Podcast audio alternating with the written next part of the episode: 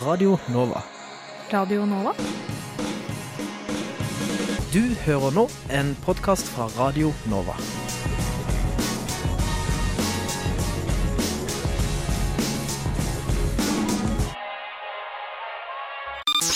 Studentnyhetene.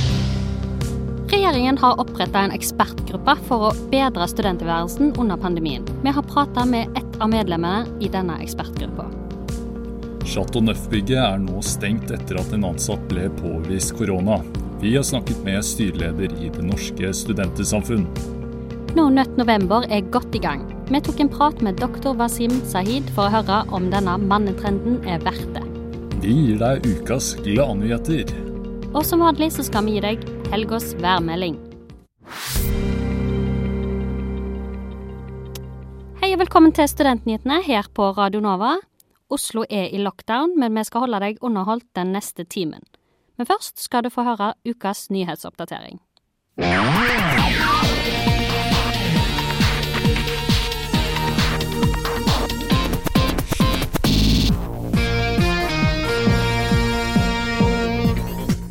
Norske studenter i Norden kan gjennomføre karantenetiden sin hjemme. Det melder regjeringen. Det betyr at studentene som vil komme hjem til jul, kan gjennomføre karantenen sin hjemme og ikke på karantenehotell. Det sier forsknings- og høyere utdanningsminister Henrik Asheim i et intervju med Aftenposten.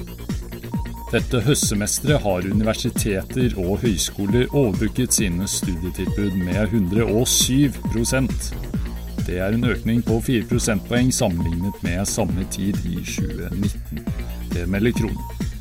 Størst overbooking i prosent er ingeniørlinjen for datateknikk ved Norges arktiske universitet i Narvik.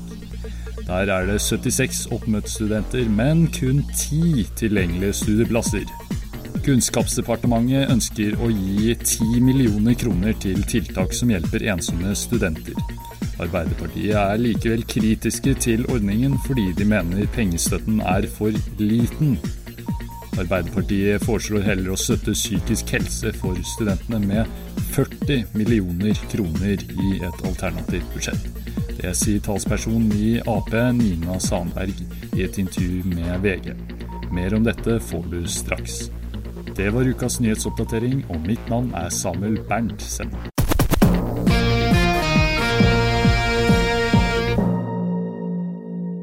forrige uke ble det klart at regjeringen oppretter en ekspertgruppe for å se hva som kan gjøres for å gjøre hverdagen enklere for studenter under pandemien. Gruppen består av representanter fra Universitets- og høyskolerådet, Fagskolerådet, Samskipnadsrådet, Helsedirektoratet og Folkehelseinstituttet. De skal annet se på studentenes psykiske helse, eksamen og gjennomføring av studiene, ifølge pressemelding fra Kunnskapsdepartementet. Vi har tatt en telefon til velferds- og likestillingspolitisk ansvarlig i Norsk studentorganisasjon, Jonas Økland, som sitter i gruppen for studentene. Hva tenker du først om at regjeringen satte fram dette utvalget? Jeg syns det, jeg synes det var et veldig godt tiltak. Det var jo litt sånn spennende når det kom, egentlig. Plutselig så, så kom det litt sånn ut av interessen, Og så var det jo litt etterlengta, egentlig. Endelig så så vi at da fokuset kom. Og statsråden har jo vært åpen på at han ser at det studentene har, har det tøft i denne perioden. Og, sånt, og da var det godt å liksom se et, et faktisk tiltak. da. Som å sette ned den, den gruppa. Og at det, det var så ambisiøst at det faktisk skal være ferdig til 23.11. Som gjør at du faktisk ser liksom alvoret. Ja, hvor langt har dere kommet på første møte? Det er laget et, ja, hva skal du kalle det? Det er en det er en hel plan for liksom, hvordan, hvordan denne rapporten skal se ut. Og så I dag så uh, har vi jo uh, gått gjennom en del tanker fra de forskjellige partene. Det er å samle en, en bred gruppe av uh, folk både som kommer fra helsemyndigheter og som kommer fra universitets- og høgskolesektoren. Så da fikk alle komme med betraktninger rundt, rundt dette her. Så det er ganske godt kommet i gang. og da tror jeg en ser pga. de ressursene som KD har bevilget. At det, det var godt forarbeid. og Jeg tror at arbeidet kommer til å være veldig bra og effektivt fremover nå. Utvalget skal jo også se på bruk av digital undervisning. Eh, hva tenker NSO om at eh, man nå bruker enda mer digital undervisning i høyskole- og Universitets-Norge? Det viktigste NSO mener er jo at det skal komme en digitalisering til, til sektoren generelt. Og så fikk vi jo på en måte den litt sånn tvangspåført i vår. Og da var på både godt og vondt. Endelig fikk vi liksom universitet og høyskolene til å, til å begynne på dette, men så skjedde det jo ganske fort. Og vi forventer jo ikke at det beste resultatet skal komme ut av det. Så Det viktigste nå er jo at den digitale undervisningen som må være, skal være best mulig. Og Da er det jo mye utover den digitale undervisningen som faglig mentor som NSO er for i utgangspunktet, men kanskje enda viktigere nå. Noen som kan altså følge deg godt på det faglige, faglige innholdet ditt. Og så òg eh, selve innholdet i den digitale undervisningen. da. Der vi har hørt eksempel om, om noen som har forelesere som har med seg en, en digital hjelper da, på hvert eneste eh, forelesning, for at en skal passe på at det ikke blir forsinka eller det skal være dårlig kvalitet. sånn som vi ser at en del studenter reagerer på. Da. Eh, psykisk helse er også en, et eh, viktig element som utvalget skal se på. Hva tenker du som er, er, viktig å se på i forhold til å bedre den psykiske helsen til studentene i dagens situasjon? Altså, vi vet jo fra før av at studentene har jo dessverre en, en del utfordringer på, på, det allerede. Og når du i tillegg da blir satt, eh, satt for deg sjøl på, på, på en liten hybel, så, eh, og, og, at de fleste sosiale tilbudene er mye mer begrensa, så vil jo den der ensomheten være en stor grunn til en, en dårligere psykisk helse for studentene. Det er jo en viktig ting å passe på at den forebygger. Og og da er det jo studentfrivillighet og, og andre tiltak som, som, trenger å bli løfta i en tid som dette. Det er vanskelig å drive studentfrivillighet, men det er så viktig for at studentene skal kunne få seg eh, sosial omgang. Om det bare må være digitale eh, tilbud, så, så, er det jo på en måte det som må til. opp. I tillegg så vi har en del gode eksempler på ting som har blitt gjort rundt om i landet. Noen har jo f.eks. hatt eh, koronahjelp, der de har ringt til studentene sine og hørt hvordan de har det. Eller eh, invitert eh, på turgrupper i mindre antall, og bare én-og-én-turer, Der du blir eh, egentlig matcha med andre studenter og kan, kan, gå på tur og gjøre andre ting som går an å gjøre i denne, denne situasjonen. Og twist digitalt er det mange eksempler på. Det så Studentene må òg trå ut forbi kanskje komfortsonen sin, og det er det litt tilbud der ute. så som kan gjøre veldig masse. Så Sånne type ting. Og så må vi jo selvsagt eh, styrke òg selve helsetjenestene til samskipnadene, og der og sånt. Sånn at det er de som faktisk kjenner at de sliter skikkelig, skal ha et godt tilbud å, å komme til. Og Det viktigste er jo at studentene eh, trives som studenter og, og, klarer å ha motivasjon og helse til å gjennomføre dette. Eh, så det, så det, er mange komponenter å se på, både faglig og, og sosialt. Og det var velferds- og likestillingspolitisk ansvarlig i Norsk studentorganisasjon, Jonas Økland. Tiltakene som gruppen anbefaler, legges fram 23.11. Reporter i saken var Ingar Jakob Feiring. Forrige uke meldte Det Norske Studentsamfunn i en pressemelding om et smittetilfelle på Chateau Neuf. Den smittende er en ansatt som jobbet på to arrangement på huset forrige uke. Vi har intervjuet styreleder i Det norske studentsamfunn, Ragnhild Vassbotn, angående denne saken. Lørdag 20.11 skrev Det norske studentsamfunn i en pressemelding at en av deres ansatte hadde fått påvist koronasmitte. Den ansatte hadde jobba på to arrangement denne veka, noe som medførte at Chateau Neuf umiddelbart stengte den lørdagen. Vi tok oss en prat med Ragnhild Vassbotn, som er styreleder i Det norske studentersamfunn, for å få litt mer informasjon om hva som skjedde. Under hva slags arrangement jobba den ansatte som viste seg å være smitta? Eh, den ansatte jobba under valgvakearrangementet. Vi hadde tirsdagen da også med quiz, og også på et privat lukka arrangement på onsdagen, som da ikke får måte følger for, for de normale studentbesøkende hos oss. da. Og hva slags tiltak ble satt i gang da dere fikk informasjon om det her? Altså det første vi gjorde, var jo å på en måte spore opp når og hvor hun hadde jobba, eh, og også ta kontakt med bydelsoverlegen og få rådgivning derfra. Eh, så sendte vi jo ut så fort vi kunne og hadde alle brikkene på plass, en, en melding til alle som, som, hadde registrert seg der i dagene, og, og, ga beskjed om å på en måte være oppmerksomme på symptomer og sånn. Vi har ingen grunn til å tro at noen av gjestene våre har vært i nærkontakt med, med den smitta. Eh, og derfor ikke pålagt eh, noen karantene, med unntak av få andre som vi vet var i nærkontakt. Eh, så ja. Ellers så stengte vi jo huset den dagen vi fikk vite det. Vi skulle uansett stenge på mandag, men tok da en avgjørelse om å, om å rett og slett stenge på lørdag kveld.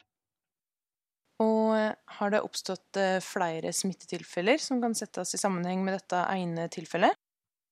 Ikke som vi har fått noen melding om, så så langt eh, ser det ut som vi har klart å begrense det godt.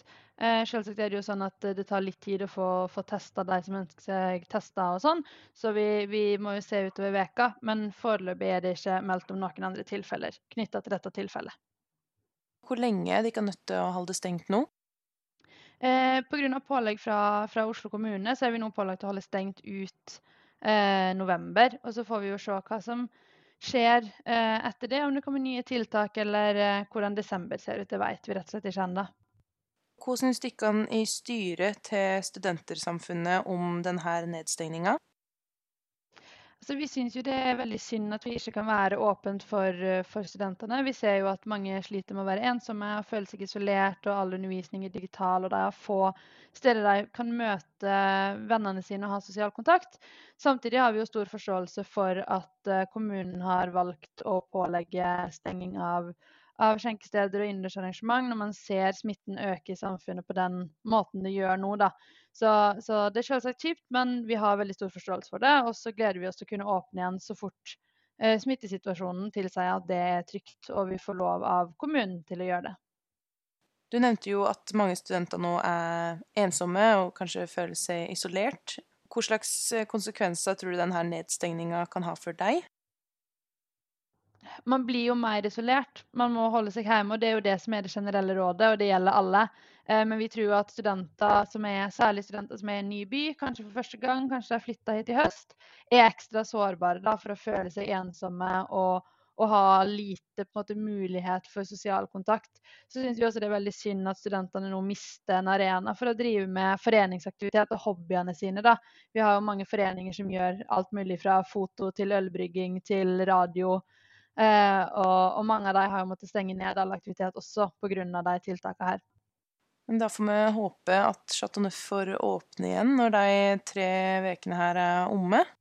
Det håper vi selvsagt på, eh, og så er vi forberedt på det. Eh, og hvis vi ikke kan det, så gleder vi oss til 2021 og håper at ting ser lysere ut da. Takk for at du stilte til intervju, Ragnhild Vassbotn, styreleder i Det norske studentsamfunn. Musikken i innslaget var Night Owl av Broke for Free, og reporter i saken var Mari Ranheim. Årets vanskeligste måned er godt i gang, og til deg som ikke helt vet hva jeg mener med det, så er det altså tid for årets No Nut November. Men hva er egentlig No Nut November, og hva sier egentlig forskningen bak denne utfordringen? Det skal du få svar på nå. Først og fremst, No Nut November er en internettutfordring som dreier seg om avholdenhet, der menn avstår fra å onanere eller ha orgasme i løpet av hele november. Noen av de som praktiserer dette, påstår at de opplever økt selvtillit, dypere stemme og økt energinivå, mens andre igjen tror det bare er rent tøv. Doktor Wasim Zahid, du er kardiolog og kanskje en av Norges mest kjente leger. Og mitt spørsmål til deg er er denne no nut november-utfordringen farlig? Nei, den er nok ikke farlig i det hele tatt. Eh, det skjer ingenting om du ikke onanerer eller har sex eller eh, ejakulerer på en måned. Eh, det er ingen prosesser som endres i kroppen i noe særlig grad pga. det. Men kan No Nut November ha noen fordeler? Rent fysiologisk på kroppen så ser jeg ikke noen fordeler. Når det gjelder eh, effekter på kroppen av forskjellige ting som man gjør, eh, så kommer slike effekter etter mye lengre tid enn bare en måned. Så at du gjennomfører eh, No Nut November, det har ikke noe å si for helsa di sånn over så kort tid. Så nei, jeg ser ikke noen spesielle fordeler der i det hele tatt. Så hvis man gjør det utover en lengre tid, hvilke fordeler kan det ha? Det vet jeg ikke. Det tror jeg ikke det er gjort noe sånn særlig mye forskning på. Nå skal det jo sies at eh, det å ha sex eller onanere eller eh, ha ejakulasjon, det er jo normale prosesser som kroppen vår er skapt til å gjennomføre. Så at man lar være å gjøre det, jeg ser ikke på det som noen fordel i hvert fall. Og så har det blitt gjort en studie om eh, testosteron. Ja, jeg så den studien, det var en liten studie, den er ganske gammel nå, fra 2003. Jeg tror den var fra Kina. En liten studie, egentlig sier ikke så veldig mye. De målte da testosteronnivåene hos uh, noen menn da, som lot være å ejakulere i en periode. og Så så de at uh, på dag syv så var testosteronnivået noe høyere, og før det så var det litt svingninger. Så Det er ikke så veldig mye man kan trekke ut ifra det. Det var en viss økning av testosteronnivået, men om uansett da, om testosteronnivåene skulle gå litt opp fordi du lar være uh, å ha orgasme, hva betyr det i praksis? Det er det vel ingen som vet. Jeg har jo sett på internett at folk kommer med disse vidunderhistoriene om hvordan det å avstå fra å ejakulere fører til en bedre livskvalitet. Hva tenker du om de vidunderhistoriene? Det kan godt hende at de opplever dette her som en vidunderbehandling. Og jeg tenker at når du går inn i en sånn eh, No Nut November-fase, da, så er det egentlig ganske mange ting de gjør. Det er ikke bare det at du lar være å onanere eller lar være å ha sex og få orgasme. Det er jo kanskje noe helt med hele mindseten at nå skal du liksom virkelig ta kontroll over kroppen og dine instinkter og dine lyster. og og det kan jo ha en voldsom psykologisk effekt. At du føler deg veldig i kontroll og den type ting. Så du gjør jo egentlig ganske mange ting ved siden av det rent tekniske med No Nut November. Og så er det jo også sånn at man blir kanskje dratt med i dragsuget fordi du leser at andre på nettet har hatt en sånn voldsom effekt, og da innbiller du deg at du også kommer til å få det, eller forventer at du kommer til å få det. Og dermed så får du en slags opplevd effekt av det også. Så det kan være mange sånne mekanismer som kan forklare at man ja, føler seg eh, i kontroll eller bedre fordi man gjennomfører en sånn økt som det der. Ok, så fordeler ved No Nut November, det kan altså være placebo? Ja, kall det placebo eller kall det andre psykologiske effekter. Eh, det kan godt hende, eh, men eh, jeg tror ikke det er noe vidundermiddel i å la være å ejakulere på en måned. Er det noe annet du vil tilføye? Jeg har jo lest litt mer om dette her. så har jeg sett at Dette startet kanskje noe som uskyldige greier, men så har jo den No Net November-bevegelsen blitt fanget litt opp av hva skal jeg si, litt mer tvilsomme miljøer. da. Litt høyre radikale eller høyreekstreme miljøer som eh, har en veldig sånn pro mann, anti-kvinne-tenkning. Noen av disse gruppene har jo det. Og, og, det blir jo på en måte brukt i det spillet også, og i, den, i det tankegodset også. Det er jo litt skummelt, ikke sant? at man eh, begynner å bevege seg og kanskje kommer i kontakt med den type eh, bevegelser og miljøer. Så det skal man være veldig klar over hvem det er man leser på nettet og, og hva de egentlig står for.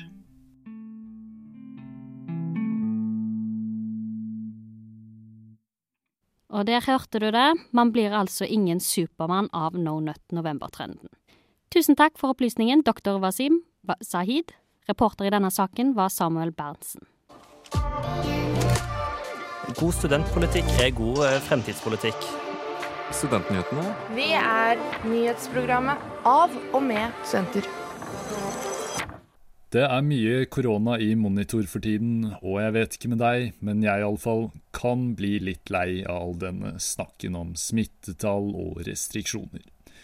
Derfor har vi samlet ukas positive nyheter. Vel bekomme. Ja, her får du ukas positive nyheter. We did it! We did it, Joe. You're gonna be the next president of the United States. USA har sin første kvinnelige visepresident. Lørdag 7.11 kunne USA bekrefte at Joe Biden vant presidentvalget i USA. Camilla Harris blir dermed både den første sorte og den første kvinnelige visepresidenten USA har hatt. But while I may be the first woman in this office, I will not be the last. Because every little girl watching tonight sees that this is a country of possibilities. Talen er hentet fra Camilla Harris sin Instagram, og informasjonen om valget er hentet fra NRK. Høyskolelektoren Thomas Cotis og flere fra Naturvernforbundet sultestreiker de dagene Høyesterett behandler klimasøksmålet. Høyesterett skal vurdere om staten brøt paragraf 112 i Grunnloven da de tildelte nye oljelisenser i Arktis.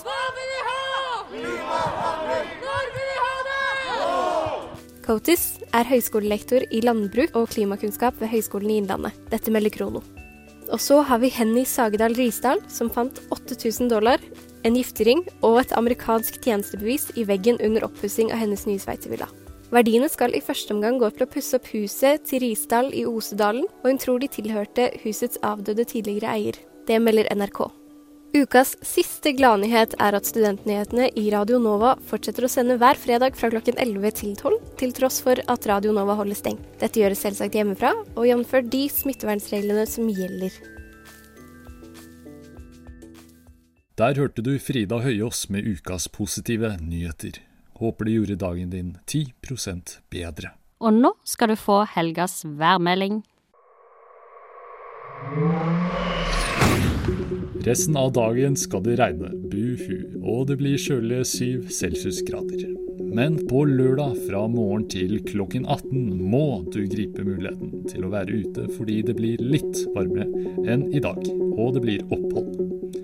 På søndag derimot blir det regn, regn og atter regn. Så det blir litt uheldig vær denne helgen, men hva kan man forvente seg når det er fredag den 13. i dag? Det var helgas værmelding, og mitt navn er Samuel Berntsen. Der hørte du min favorittsang denne måneden. Hun er naken av Slim Gulli.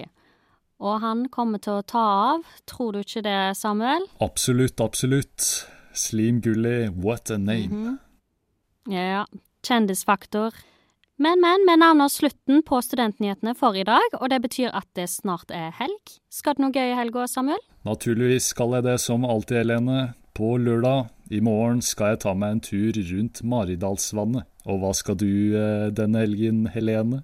Har lite planer nå i helga pga. lockdown, men jeg skal nå ut og knipse noen bilder med min søster og ei venninne, da. Men selv om det er fredag den 13., så håper jeg at eh, du der hjemme har en fin dag videre. Tusen takk for at du hørte på Studentnyhetene i dag, og hør oss gjerne igjen på podkast og følg oss på sosiale medier. Der heter vi Studentnyhetene. Bare lytt videre på kanalen, for etter oss kommer nemlig radiotjenesten. Mitt navn er Helene Wilhelmsen, og med meg i studio i dag så har jeg hatt Samuel Berntsen. Ha det bra og god helg. Ha det bra. Jeg gleder meg. Jeg skal tenne lys, kjøpe blomster til meg selv. Jeg skal ta med alle klærne. Har du vært på radio før, eller? Radio Radio Nova. Radio Nova. Vi er nyhetsprogrammet. Hei, hei. Jeg vil bare informere deg om at du hører på Radio Nova med Studentnyhetene. Hei, hei.